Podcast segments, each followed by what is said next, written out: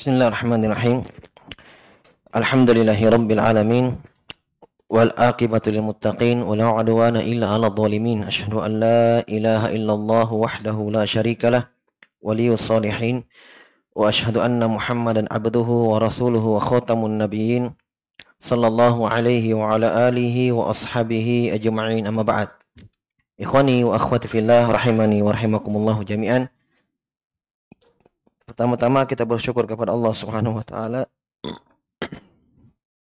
Pada malam hari ini kita masih diberikan kesehatan dan kesempatan oleh Allah Subhanahu wa taala untuk kembali melanjutkan kajian rutin kita dalam mengkaji satu kitab tentang akidah yaitu Lum'atul I'tiqad yang ditulis oleh Al-Imam Ibn Qudama rahimahullahu taala.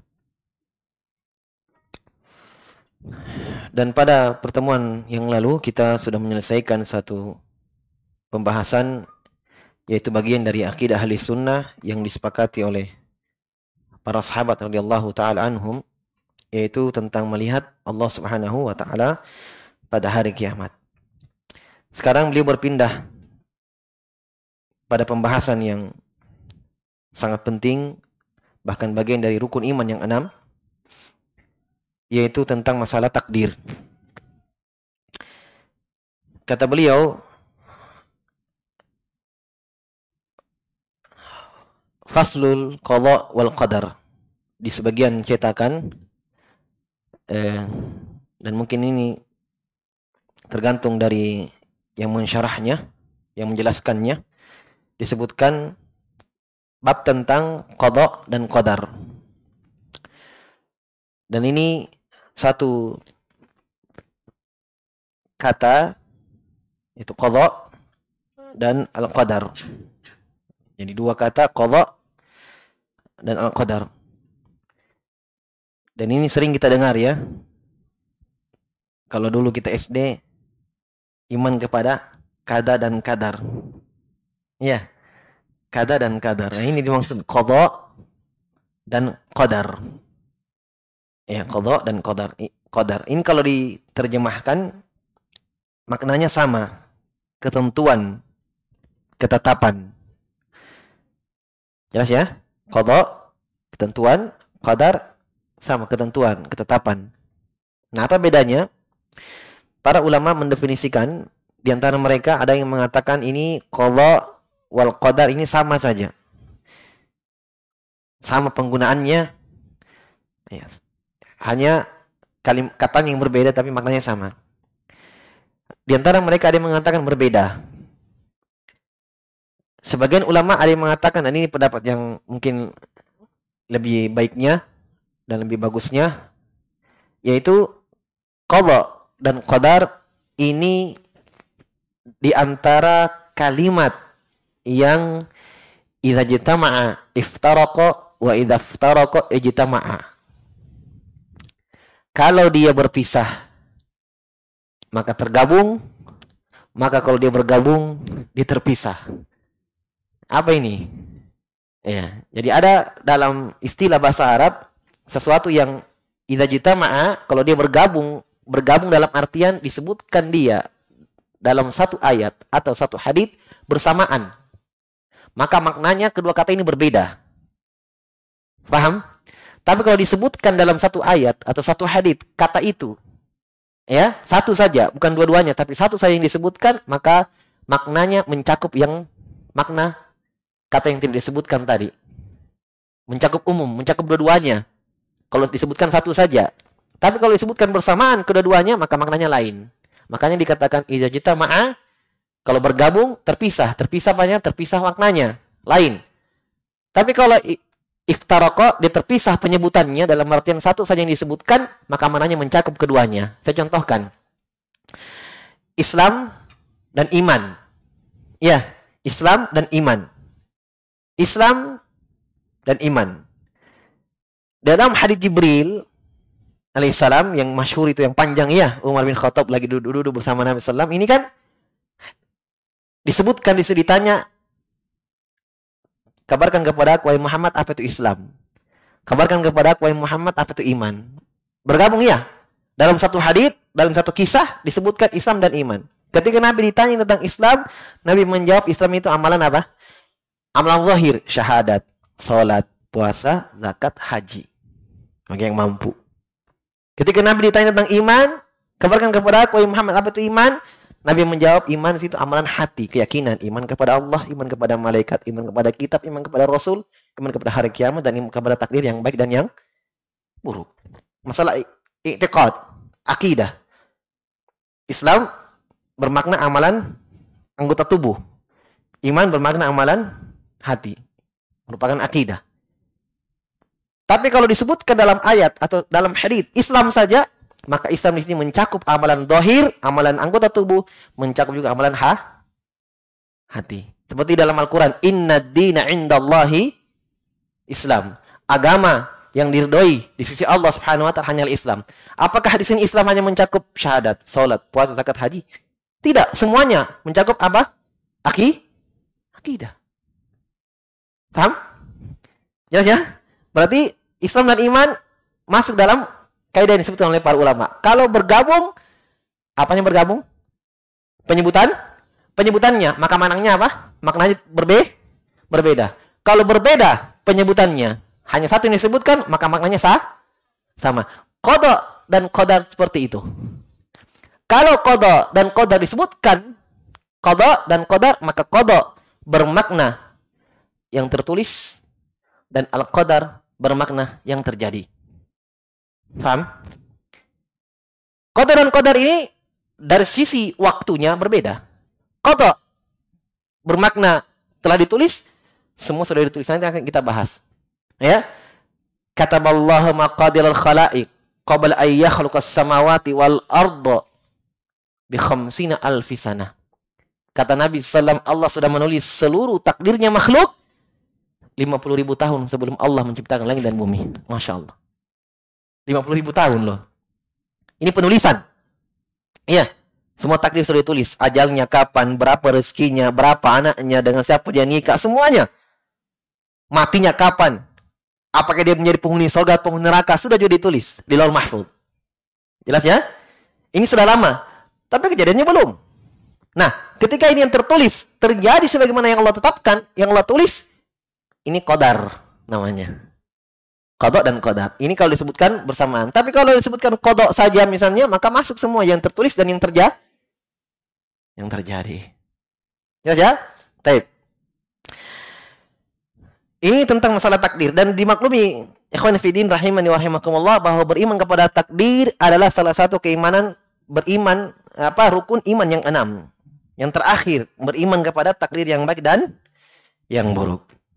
Bahkan ya, Ibnu Umar radhiyallahu taala anhu bertemu dengan seorang tabi'in dan mengkhabarkan bahwa ada orang yang tidak beriman kepada takdir. Ada orang yang mengatakan bahwa perkara Allah itu baru, nanti terjadi baru Allah tahu. Sebelum terjadi Allah belum tahu.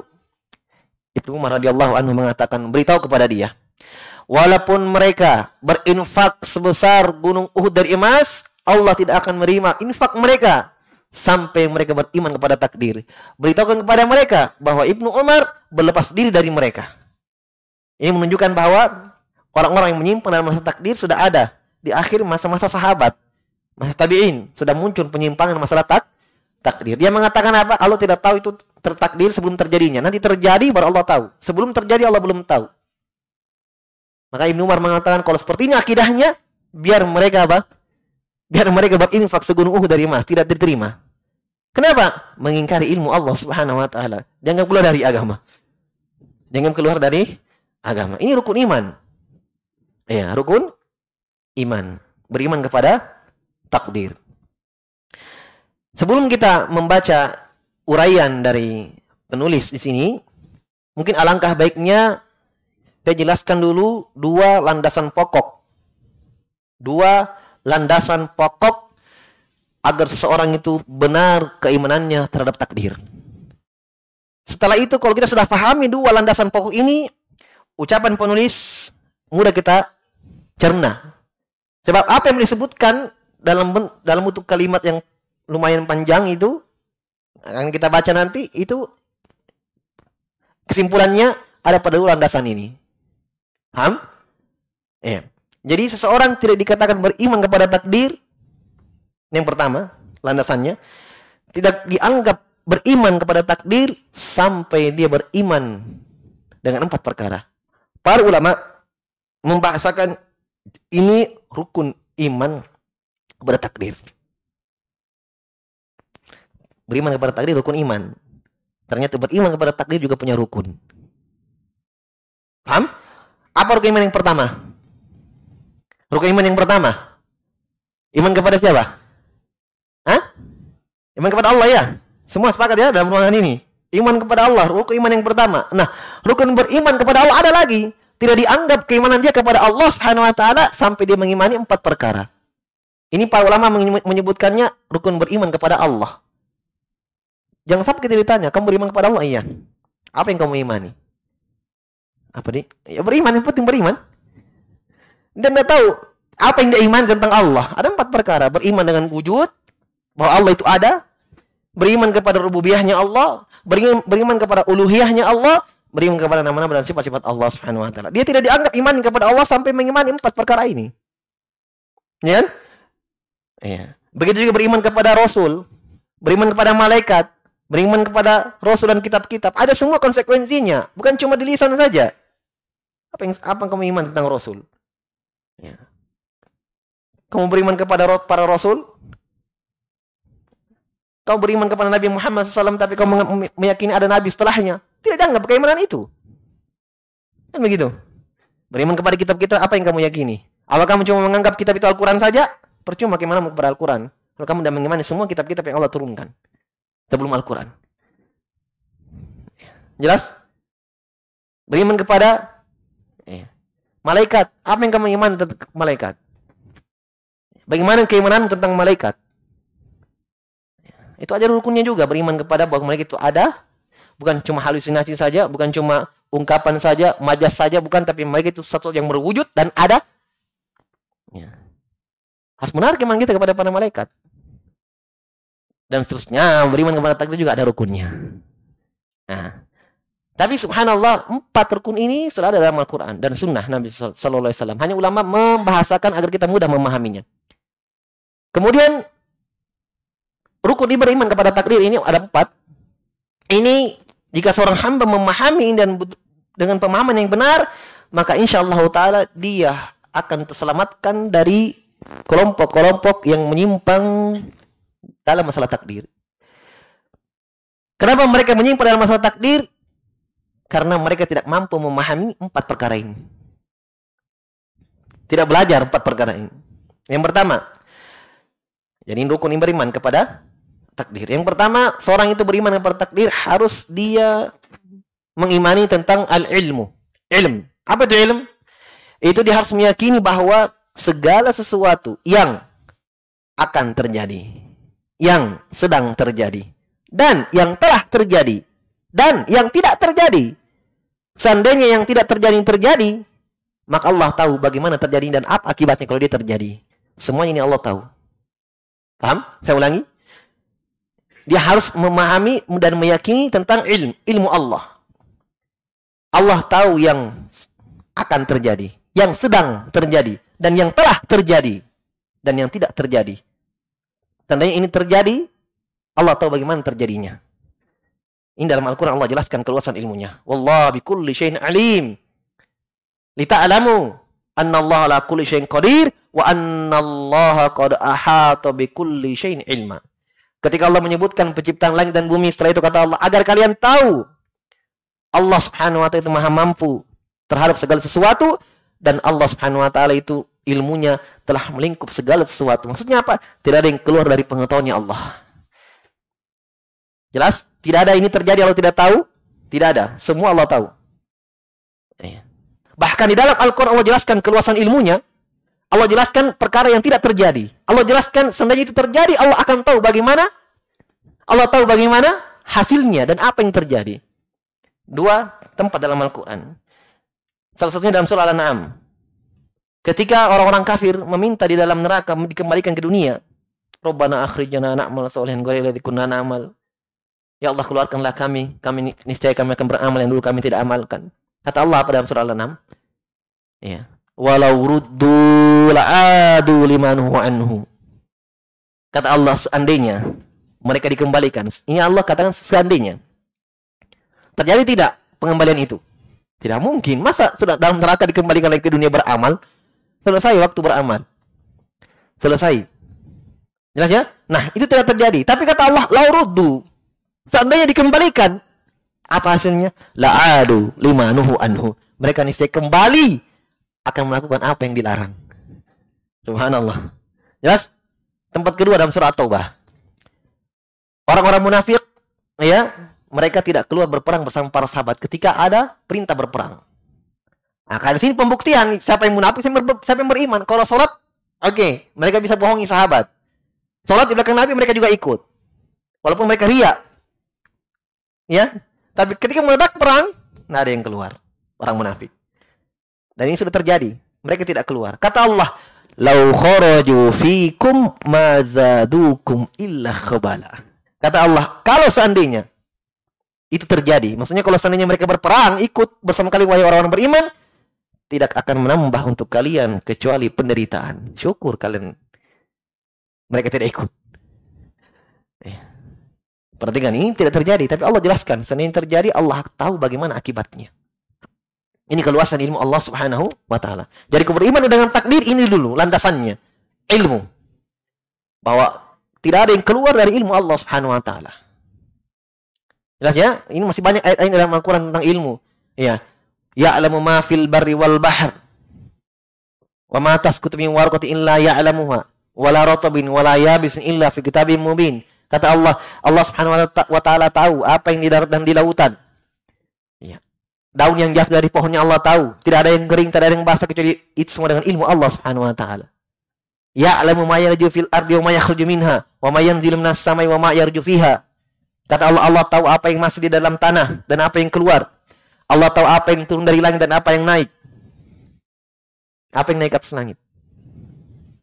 Hah? Apa yang naik? Hah?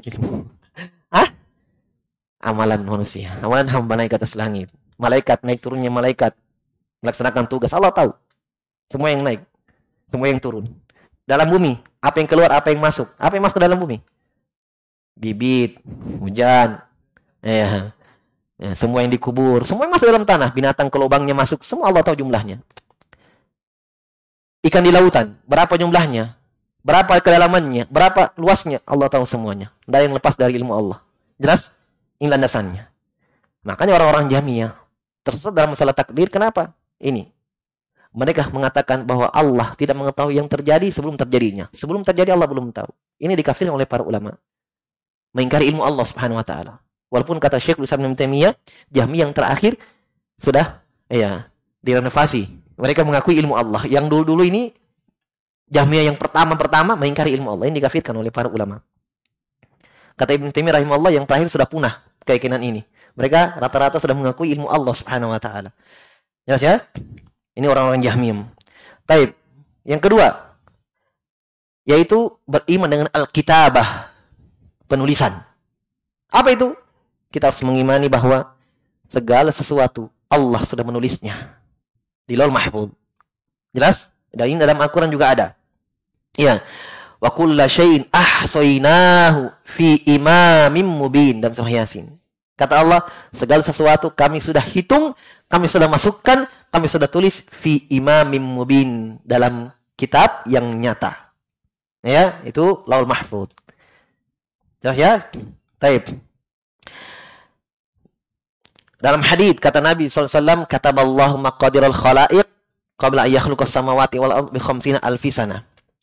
Allah telah menulis semua takdir makhluk sebelum Allah ciptakan langit dan bumi 50 ribu tahun sebelum Allah menciptakannya. Dalam hadits yang lain, kata Nabi SAW, awalu ma khalaqallahu al-qalam. Qala lahu uktub, qala ma aktub, qala uktub ma huwa kainun ila yaumil qiyamah. Ketika Allah pertama kali menciptakan pena. Ini pena ini yang Allah turunkan dalam surah khusus Al-Qalam. Nun wal qalami wa ma yasturun. Nun demi kolam ini. Kolam yang Allah ciptakan, kolam itu pena ya yang pernah baca bahasa Arab tahu ini. Ada kolamun. ya, ini pena, pulpen, pena. Kata Nabi SAW ketika Allah pertama kali menciptakan pena, Kata Allah kepada pena uktub tulislah. Pena menjawab, "Ma aktub, apa yang saya tulis ya Allah?" Kata Allah, "Uktub ma huwa kainun ila yaumil qiyamah." Tulislah apa yang akan terjadi sampai pada hari kiamat. Ini penulisan.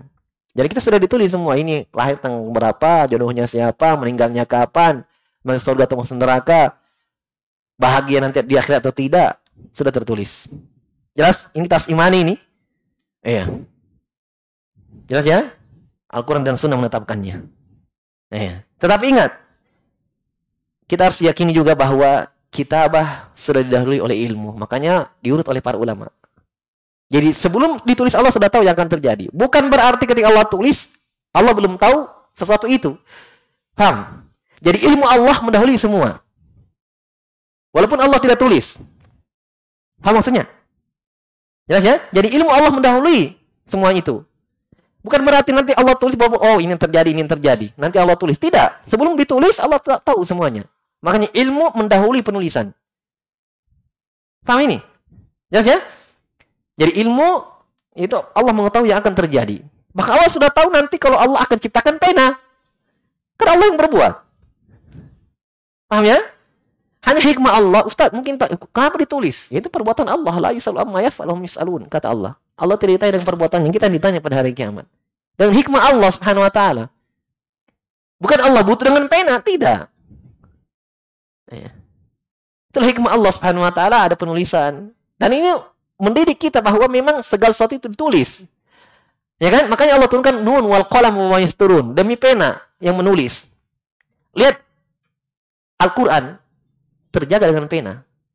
Hadit-hadit Nabi terjaga dengan pena. Kan begitu kan? Iya. Al-Quran terjaga, Allah menjaganya. Menulis sebab apa? Pena, tinta yang menulis. Makanya dibukukan di zaman Utsman bin Affan radhiyallahu taala menjadi dalam mushaf. Hadit juga begitu dibukukan, ditulis oleh para imam Abu Bukhari, Muslim, Abu Dawud, Tirmidzi, Ibnu Majah dan Nasai. Sampai kepada kita pada hari ini terjaga dengan pena. Jelas ya? Tapi ingat, Ilmu Allah mendahului penulisan. Yang ketiga, yaitu ada namanya al-masyiah. Nah, masyiah ini kehendak. Artinya apa? Kita harus mengimani bahwa segala sesuatu yang terjadi itu dengan kehendak Allah. Tidak ada yang terjadi dengan sendirinya. Paham maksudnya? Tidak ada yang terjadi dengan ya, alami apa. Tidak ada itu. Istilah alami-alami itu pembahasan saja. Ditanya itu apa maksud alami itu? Apa maksudnya? Kau katakan keluar dari kehendak Allah, hati-hati. Ya. Tapi kalau maksud ucapan alami, ya dengan sendiri dalam artian tidak ada manusia yang campur tangan di situ, itu mungkin benar. Tapi kalau alami dalam artian keluar dari kehendak Allah ini hati-hati itu batil. Tidak ada alami. Jelas ya? Terjadi dengan izin Allah Subhanahu wa taala, dengan kehendaknya. Jadi segala sesuatu yang terjadi di langit dan di bumi itu tidak ada yang keluar dari kehendak Allah semuanya. Ya kan Allah yang kuasai semua. Masa Allah yang kuasai semuanya, Allah yang ciptakan, Allah yang ngatur. Masa ada yang terjadi tanpa keinginan Allah? Itu kan tidak masuk akal. Jadi segala apa yang terjadi dengan kehendak Allah. Wa ma tasyauna illa ayyasha Allah rabbul alamin. Tidak manusia itu berkehendak kecuali dengan kehendak Allah. Iya. Maka dalam Al-Quran banyak Allah menjelaskan, iya, kehendak-kehendaknya. Walau ma fa'alu. Seandainya kalau Allah menghendaki, mereka tidak melakukan itu. Hal-hal yang mungkar. Itu karena kehendak Allah Subhanahu wa taala. Jelas ya? Ya. Kemudian yang keempat. Ada namanya al-khalq. Al-khalq itu penciptaan. Maksudnya apa? Kita harus meyakini bahwa segala sesuatu di langit dan di bumi semuanya ciptaan Allah. Tidak ada yang keluar dari ciptaannya. Paham? Bisa dipahami ini? Semua kejadian yang terjadi, malaikat, semua di atas langit, apa yang mereka lakukan, itu semua ciptaan Allah Subhanahu wa taala. Manusia manusia dan perbuatannya dicipta oleh Allah Subhanahu wa taala. Semuanya. Allah berfirman, ya, wallahu khalaqakum wa ma ta'malun. Allah menciptakan kalian wahai manusia dan apa yang kalian amalkan. Paham? Apa yang kalian amalkan. Ini kita harus tahu ini. Al-khalq. Iya. Maka setelah kita mengetahui empat landasan atau empat rukun beriman kepada takdir, nah ini sesuai dengan Al-Quran dan Sunnah, maka ulama menjelaskan empat perkara ini agar mudah kita fahami. Iya, maka dengan hikmah Allah Subhanahu wa taala dan itu semua kehendak Allah Subhanahu wa taala, ya menyimpanglah dalam masalah ini ada dua ya, kelompok di sini yang menyimpang. Ya kan antum sudah paham empat perkara landasannya, saya jelaskan penyimpangannya di mana, antum sudah bisa tahu kenapa mereka tersesat. Ada pertama kelompok yang namanya Jabriyah. Jabriyah ini dari kata jabr, artinya terpaksa. Terpaksa. Iya. Jadi mereka mengatakan kita ini, ini semua sudah ditakdirkan semuanya. Oke, benar. Jadi kita ini berbuat ini takdir Allah. Jadi saya minum ini semua takdir Allah ini. ini. Ya, bukan saya yang berbuat, Allah. Ini semuanya. Semua kita ini cuma alat yang dipakai. Jadi mereka menghilangkan kehendak manusia dari diri manusia. Tidak ada kehendak. Iroda manusia tidak ada, hilang. Semua iroda Allah. Manusia cuma alat yang dipakai. Ini keadaan Jabriyah. Jelas ya? Jadi mereka mengatakan, jangan kalian celah saya kalau maksiat. Saya mencuri, saya bersini. Jangan kalian celah takdir Allah. Dan ini pernah terjadi di zaman Umar. Disebut oleh para ulama, walaupun ada mengatakan dari si sanat ini lemah. Tapi sudah disebutkan dalam buku akidah. Ada pencuri di, di Taman Umar. Ya. Ditangkap, dia katakan, ya, kenapa, kenapa kamu hukum saya Amir Muminin? Saya mencuri takdir Allah. Di tangannya, iya, saya potong tanganmu juga dengan takdir Allah. Nah, saya potong tanganmu, kan pencuri potong tangan kan hukum Islam. Ini takdir Allah juga. Ini mudah sekali dibantah syubhatnya. Kenapa kamu tidak pergi sholat, baca Quran, puasa? Ya, kamu katakan itu takdir Allah. Kenapa cuma berdalil dengan yang buruk-buruk kau, kau katakan itu takdir Allah? Ya, ya. Dan ini hujah orang musyrikin. Orang musyrikin seperti itu hujahannya. Lihat ya, akidahnya mereka mereka wariskan dari orang musyrikin. Orang musyrikin dalam Al-Qur'an apa kata mereka? Dalam Al-Qur'an kata Allah Subhanahu wa taala, "Lau Allahu ma asyrakna wala abauna." Seandainya Allah berkehendak, kami tidak syirik. Dan bapak-bapak kami juga tidak syirik. Kalau seandainya Allah berkehendak. Maksudnya apa? Ini karena kehendak Allah jadi kami syirik. Subhanallah. Kenapa kami tidak pergi ikuti agamanya Muhammad SAW? Menyembah kepada Allah Subhanahu wa taala meninggalkan semua sembahan kalian, kalian katakan takdir Allah. Kan sama. Padahal Nabi sudah datang di tengah-tengah kalian mengajak kalian kepada tauhid. Kalian tidak mau mengikuti. Hanya beralihkan dengan itu takdir. Jelas ya? Ini Jabriyah. Nah, ini terbantah dari empat landasan tadi yang saya berikan. Iya. Jelas ya? Kita katakan betul takdir Allah Subhanahu wa taala, tapi manusia punya kehendak. Manusia punya kehendak. Dia memilih yang mana yang baik, yang mana yang benar, yang mana yang salah. Dia tahu. Jadi ketika dia menempuh yang jalan yang keliru itu, itu pilihan dia. Tapi semua apa yang mereka lakukan itu takdir Allah dan kehendak Allah Subhanahu wa taala. Jelas ya? Jadi mereka menghilangkan kehendak manusia. Tapi mereka buat cair alqaw fil yammi maktufan iyyaka iyyaka an tabtalla bil ma'i. Ini kehidupan manusia. Dilempar ke laut, diikat tangan dan kakinya dan dikatakan hati-hati jangan kamu basah dilempar ke laut ini, tangan kaki terikat, dikatakan hati-hati jangan kamu basah. Maksudnya itulah gambaran kehidupan kita. Kita dipaksa. Ya, kita dipaksa. Padahal seseorang tidak ada yang tahu takdirnya apa. Ya kan? Dia belum berbuat eh takdir Allah ini. Dari mana kamu tahu takdirmu? Kenapa kamu sudah pasrah dengan takdir yang belum terjadi? Bisa kita pasrah dengan takdir yang sudah terjadi? Kalau dalam musyafal itu boleh karena sudah terjadi, tapi belum terjadi mencuri deh takdir Allah. Bagaimana caranya? Kau belum terjadi, kenapa kamu tidak pergi sholat malam, tahajud baca Quran? Itu takdir Allah juga. Ya kan? Ini gampang sekali. Ini akal yang sehat sudah membantah pemikiran ini. Jelas ya, ini Jabriyah ini, golongan Jabriyah. Jelas?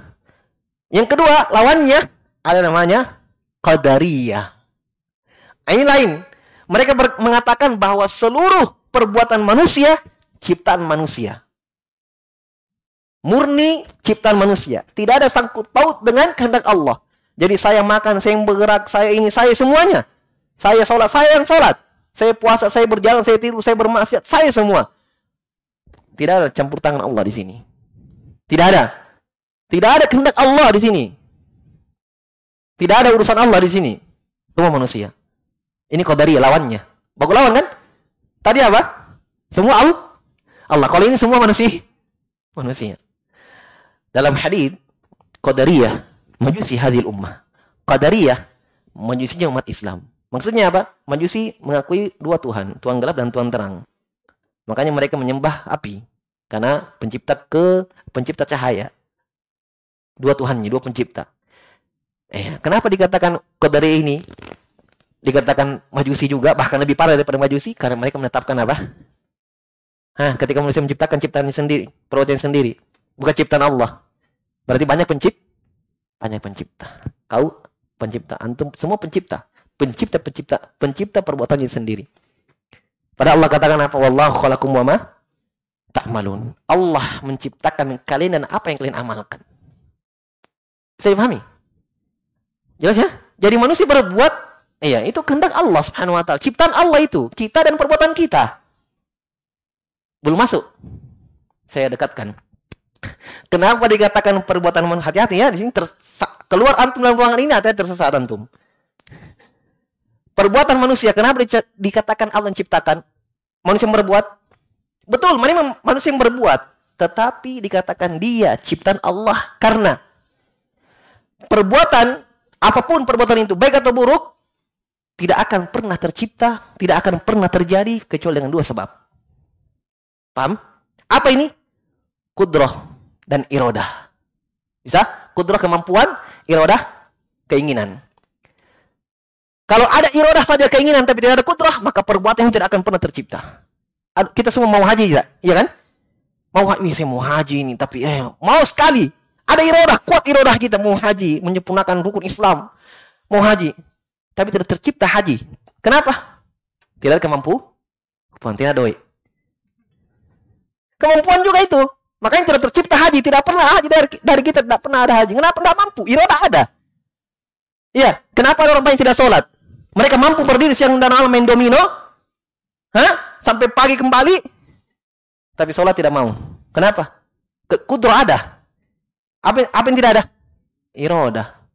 Maka Sholat, perbuatan sholat tidak tercipta dari mereka. Kenapa? Tidak ada iroda. Ada orang mau sholat tapi terbaring. Mau berdiri sholat tapi terbaring sakit diimpus. Maka sholat berdiri tidak tercipta dari dia. Kenapa? Tidak ada kut. Tidak ada kut. Kut iroda ada. Maka tercipta fiil, tercipta perbuatan baik atau buruk karena ada dua ini, kudrah dan iroda. Gugur salah satunya maka perbuatan tidak pernah ada. Saya tanya, siapa yang memberikan kepada manusia dua ini? Siapa yang memberikan kepada manusia dua ini? Allah Subhanahu wa taala. Ketika Allah sandarkan dalam Al-Qur'an, "Wallahu khalaqakum wa ma ta'malun." Allah yang ciptakan perbuatan kalian, salahkah? Allah yang ciptakan sebab. Ini perbuatan. Ini perbuatan. Saya kasih gambarannya. Ini kudrah dan irodah. Karena ini, ini ada. Ya kan? Kudroh ini dan irodah. Ini perbuatan manusia. Allah ciptakan ini. Paham? Sehingga ini ada. Salahkah ketika Allah sandarkan Allah menciptakan ini? Salah? Tidak. Karena Allah menciptakan sebabnya. Saya katakan, salah saya ketika saya ini Allah yang ciptakan. Ini nih. Meja. Semua makhluk ciptaan Allah. Paham? Siapa membuat ini? Buat langsung. Allah yang buat langsung? Tukang kan? Tapi siapa yang beri kepada tukang kemampuan untuk menciptakan ini? Allah subhanahu wa ta'ala. Makanya semua ciptaan Allah. Salah? Benar. Allah ciptakan sebab. Sehingga musabab itu ada. Musabab itu perbuatan.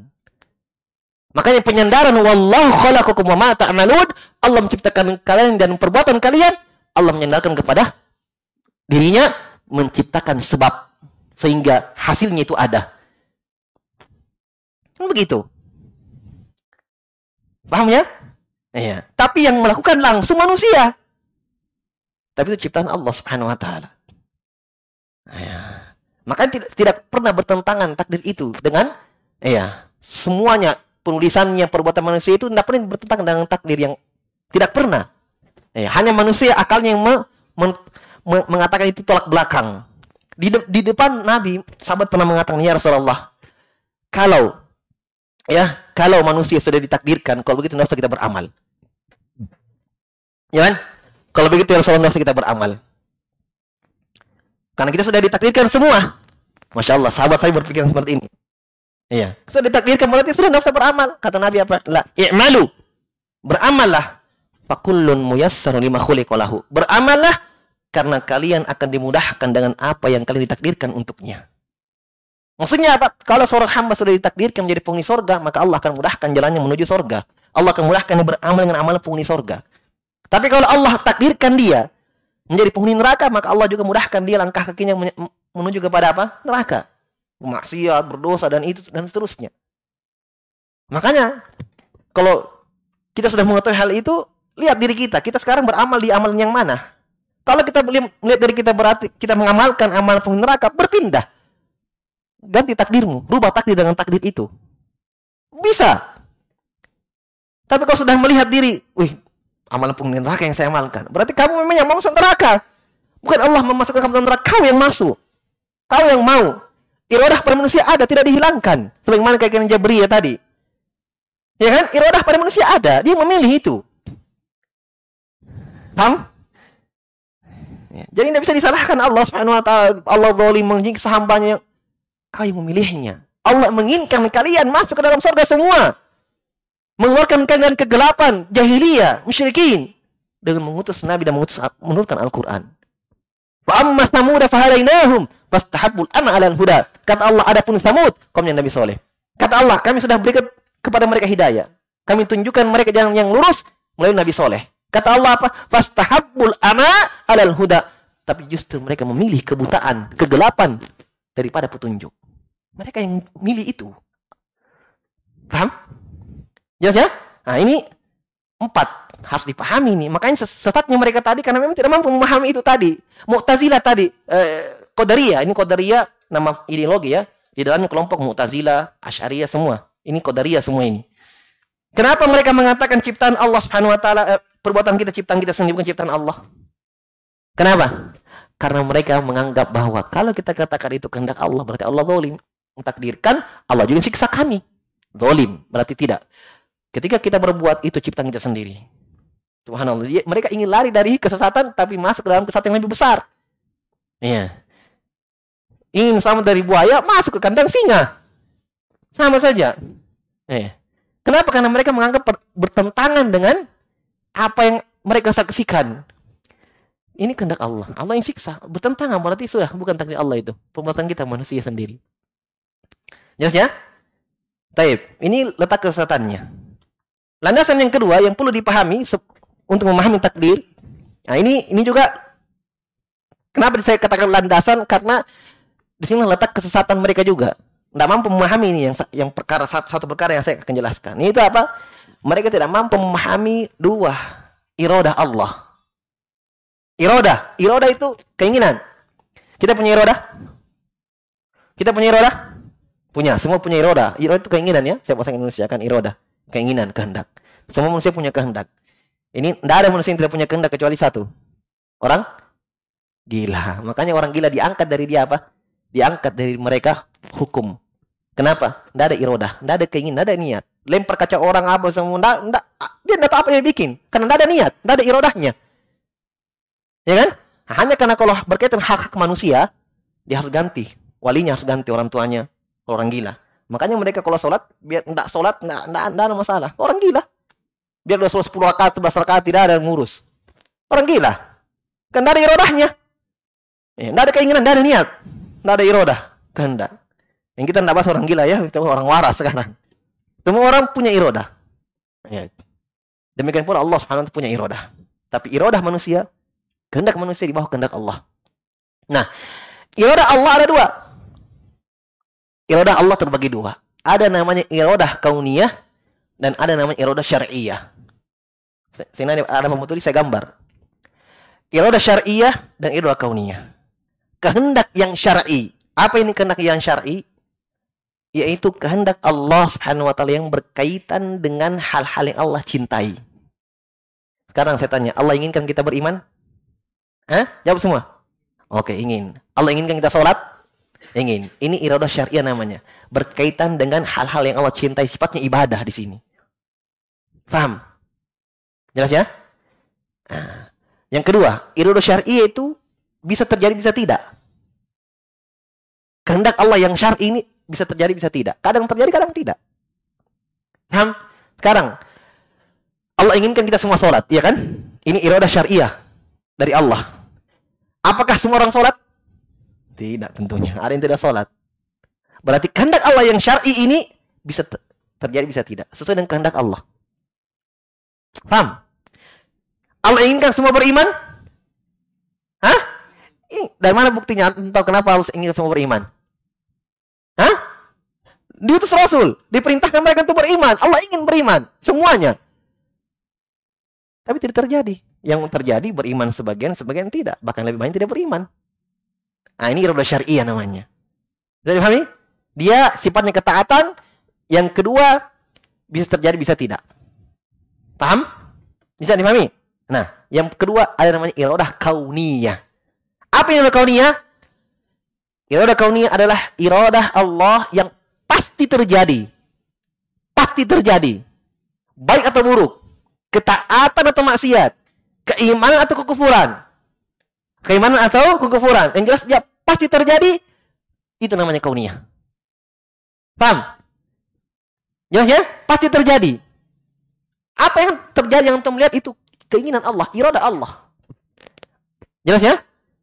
Baik.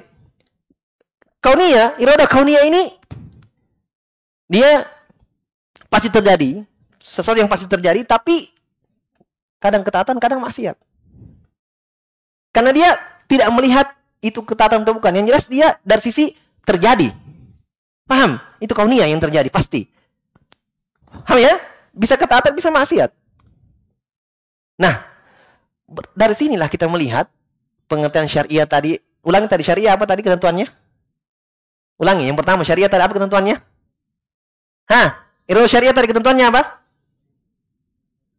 Sifatnya ketaah? Ketaatan. Pak, harus terjadi? Harus terjadi? Tidak. Bisa terjadi, bisa ti? Tidak. Kalau kau niat pasti terjadi. Tapi dia sifatnya apa? Umum ketaatan atau ti? Bukan ketaatan atau tidak. Baik. Dari sini bisa kita antum bisa tarik satu ilmu di sini. Berarti bisa bergabung irul syariah dan kauniyah, ya kan? Kapan itu? Ketaatan yang terjadi. Paham? Tadi kita sholat maghrib. Alhamdulillah sudah terjadi. Nah, lihat, itu dicintai Allah atau tidak? Cintai. Berarti syari, syariah. Lihat, yang kedua, terjadi atau tidak? Terjadi. Berarti kauni, kauni kan tadi kauni kita katakan yang terjadi, pasti terjadi. Berarti sholat maghrib kita tadi kita katakan iroda Allah, iya. Iroda syariah dan kauni karena dia terjadi. Bisa dipahami? Bisa dipahami ya? Jelas? Sholat isya sebentar, belum terjadi ini. Iroda apa? Syariah. Kauni atau bukan? Kauni atau bukan? Bukan, belum, belum terjadi, belum. Sampai kita sebentar mati ini. Ya kan begitu kan? Ada yang tahu, ada yang bisa pastikan 10 menit ke depan masih hidup. Ada yang bisa. Jelas? Kalau terjadi, nah kau nia. Yang terjadi lihat. Kalau sifatnya ketaatan, berarti syariah juga. Bisa dipahami? Taib. Kapan dikatakan irodah kauniyah saja bukan syariah? Hah? Kapan dikatakan irodah kauniyah tapi bukan syariah? Kemaksiatan yang terjadi. Sudah. Bisa. Fir'aun. Kufur atau mukmin? Kufur atau iman? Kufur. Meninggal di kekufuran. Saya tanya, itu iroda Allah atau bukan? Iroda, iroda Allah. Iroda yang apa? Kaunia. Kenapa bukan syar'i? Karena Allah tidak suka ke kekufurannya Firaun. Yang Allah inginkan Firaun itu beriman. Buktinya mana? Diutus Musa alaihissalam. Bahkan dikuatkan dengan Harun. Dua nabi yang diutus kepada Firaun. Dia memilih kekufuran. Ketika Allah siksa Firaun, kedoliman Bukan, keadilan Allah Subhanahu wa taala. Dia yang pilih. Paham? Tinggal satu mungkin yang mengganjal di kepala kita. Kenapa Allah takdirkan terjadi tapi Allah tidak cinta? Bisa dipahami? Kenapa Allah takdirkan terjadi tapi Allah tidak cinta?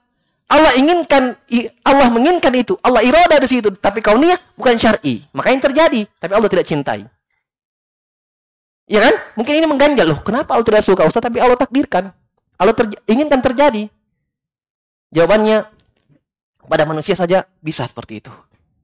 Dia datang kepada dokter. Dokter mengatakan ini tanganmu ini ada virus menggerogoti seluruh badanmu. Harus diamputasi. Harus diamputasi. Potong kaki. demi untuk menyambung nyawa. Kira-kira dia potong kakinya? Pasti potong. Dia suka atau tidak? Hah? Kenapa dilakukan? Ada hik? Ada hikmah yang besar. Ada maslahat yang besar di situ yang dia inginkan. Walaupun dengan melakukan mudarat. Tapi dia lakukan. Kenapa? Hikmahnya besar. Kebaikannya besar. Kenapa Allah tidak bisa? Hah? Kenapa Allah tidak bisa? Allah takdirkan Fir'aun. Allah, iya. Irodah kauniyah di situ. Allah menginginkan Fir'aun secara terjadi, tapi Allah tidak inginkan secara syar'i. Tapi Allah inginkan terjadi itu dengan hikmah yang besar. Orang baca Quran, oh inilah siksaan bagi orang-orang yang menentang Rasul.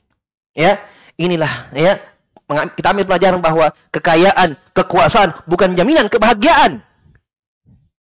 Firaun kekuasaan ada, harta ada, kedudukan ada, tapi itu bukan jaminan kebahagiaan.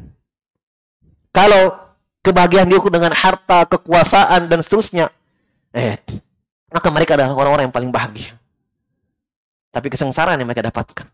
Banyak pelajaran-pelajarannya. Makanya Allah ulang kisah Musa dan Fir'aun di dalam Al-Quran. Hikmah banyak. Begitu. Ya. Walaupun dari sisi ya, syar'inya Allah tidak suka itu. Yang Allah inginkan adalah dia beriman.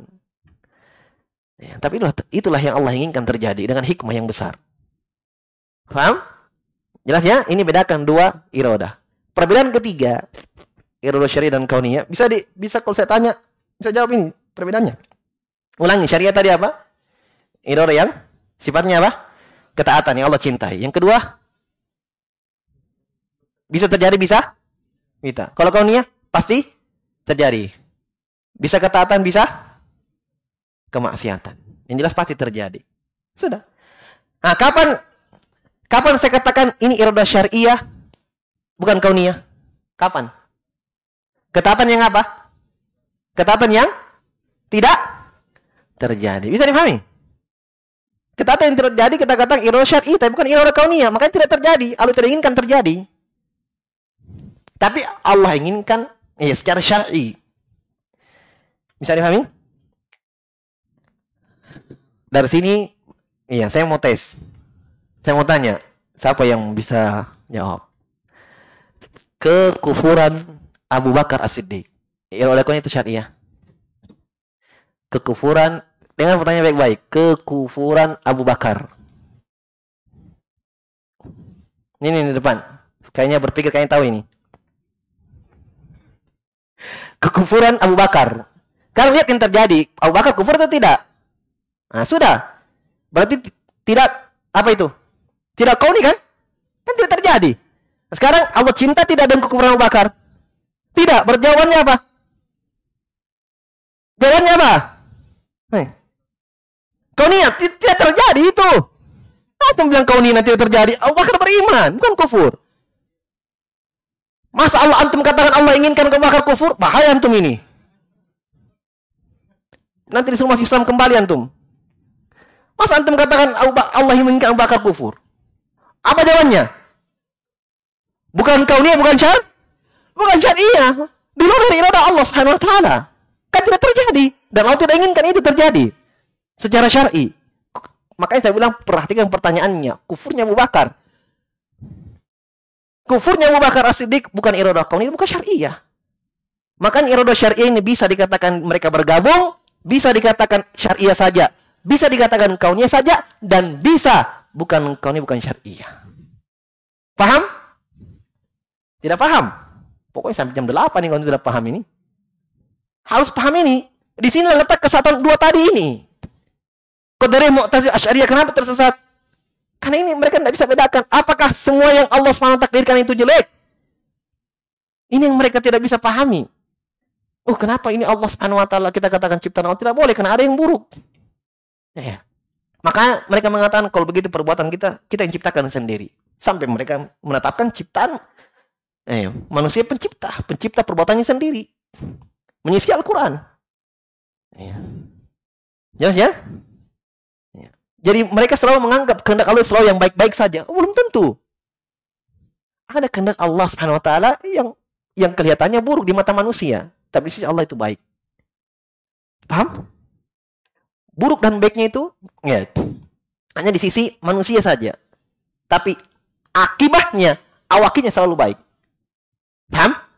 Jadi pahami. Nah, makanya di dalam hadis di dalam hadis, nah Pak muadzin lihat sedikit. Di dalam hadis, perhatikan hadis Jibril ketika Jibril bertanya kepada Nabi tentang imanan. Apa yang Nabi jawab? Rukun i, iman. Apa yang Nabi jawab yang paling terakhir? Al iman bil qadar khairihi wa syarrihi. Beriman kepada takdir yang baik dan yang buruk. Di sini ada ilmu penting di sini bahwa seluruh ya, takdir takdir bermakna perbuatan Allah semua baik dari yang dari yang buruk. Paham? Jadi pahami. Tapi kenapa ada ucapan Nabi takdir yang baik dan yang buruk? Ada buruk. Nah, kodar takdir itu kadang arahannya apa terarah pada dua makna. Pertama, takdir bermakna perbuatan Allah. Ini takdir juga namanya. Paham? Yang terjadi ini takdir juga. Kalau kita katakan takdir, kodar bermakna perbuatan Allah, maka ini semua baik tidak ada yang buruk di sisi perbuatan Allah. Makanya kata Nabi dalam doanya, wasyarru laisa ilaika. Kejelekan ya Allah tidak ada padamu. Tidak boleh sandarkan kejelekan kepada Allah Subhanahu wa taala. Nah, di sisi yang terjadi, yang terjadi ini ada ketaatan, ada keimanan, ada kekufuran, ada maksiat, ada Nah, ini yang terjadi takdir juga namanya. Ini ada yang baik, ada yang buruk. Tapi perbuatan Allah menakdirkan dua ini, ketaatan kekufuran, itu baik. Bisa dipahami? Bedakan. Bedakan kehendak Allah, perbuatan Allah menakdirkan itu dan yang tertakdirkan. Paham? Yang tertakdirkan ada yang baik, ada yang buruk, iya. Tapi di sisi Allah menakdirkan ini baik. Di mana yang baik ini yang buruk? Setelah hasilnya. Paham? Hasilnya. Makanya maksud ucapan Nabi, engkau beriman kepada takdir yang baik dan yang buruk, maksudnya yang tertakdirkan ini. Harus kita imani semua dari Allah. Paham? Tapi kalau dari sisi perbuatan Allah menakdirkan semua yang terjadi, semua baik, tidak ada yang buruk. Ya. Makanya dalam Al-Quran coba untuk melihat. Banyak sekali dalil-dalil dan isyarat. Ya, Allah mengajarkan kita bahwa tidak boleh disandarkan kejelekan kepada Allah subhanahu wa. Walaupun itu juga takdir Allah. Tapi ketika penyandarannya di sisi Allah. Ya, tidak disandarkan kepada Allah. Walaupun itu takdir Allah juga. Dalam Al-Quran tentang doa Nabi Ibrahim. Nabi Ibrahim berdoa. Ya, wa maritu yashfin. Ya, sebelumnya wa huwa alladhi yut'imuni wa yasqini. Dialah Allah yang membuat memberikan saya makan dan memberikan saya minum. Bersamakan kepada Allah. Ketika sakit, apa kata Ibrahim Nabi alaihissalam? Wa idza maritu fahuwa yashfini. Kalau saya sakit, dia tidak katakan kalau Allah menyakitkan saya, Allah menyembuhkan saya. Tapi Nabi Ibrahim mengatakan wa idza maritu. Kalau saya sakit, dialah Allah menyembuhkan saya. Kesembuhan diserahkan kepada Allah. Padahal yang membuat dia sakit Allah juga tapi tidak disandarkan kepada Allah. Nah, ini adab namanya. Ta'addub ma Allah, beradab dengan Allah Subhanahu wa taala. Tapi itu juga takdir Allah, jelas. Dari keluar dari takdir Allah, tapi di sisi penyandaran kepada Allah tidak disandarkan. Cara langsung penyebutannya. Mimbabil adab. Jelas ya? Mimbabil adab. Lihat kisah Nabi Khidir dalam Al-Quran dengan Nabi Musa alaihissalam. Apa yang Nabi Khidir lakukan yang pertama apa? Melubang perah, perahu. Yang kedua, membunuh anak yang tidak berdosa. Yang ketiga, membangun bangunan. Ya kan? Membangun bangunan. Ya, ketika merusak perahu, ya, Nabi Khidir disampaikan pada dirinya, fa'aradtu an a'ibaha. Fa'aradtu an a'ibaha. Wahai Musa, saya menginginkan saya rusak perahu ini disanakan pada dirinya. Karena ini kan keburukan di sisi, di sisi manusia. Padahal ini Allah yang wahyukan dia. Kenapa? Karena di balik itu setelahnya ada ya malikun yakhudhu kulla safinatin gosba. Ada perampok penyamun yang mengambil perahu yang bagus, perahu yang bocor tidak dirampok. Coba perhatikan.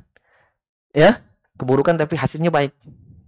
Tapi ketika melakukan keburukan itu, Nabi Khidir menyandarkan kepada dirinya. Ya. Tapi ketika membangun bangunan yang hampir roboh, ini kebaikan atau keburukan? Kebaikan kan?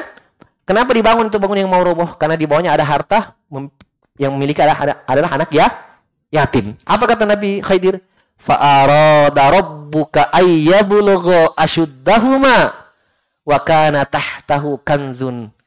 Kata Allah Subhanahu wa taala, kata Nabi Khidir kepada Nabi Musa, karena Allah menginginkan. Kesanakan kepada Allah. Karena perbuatan baik. Padahal semua ini yang baik dan buruk Allah yang inginkan.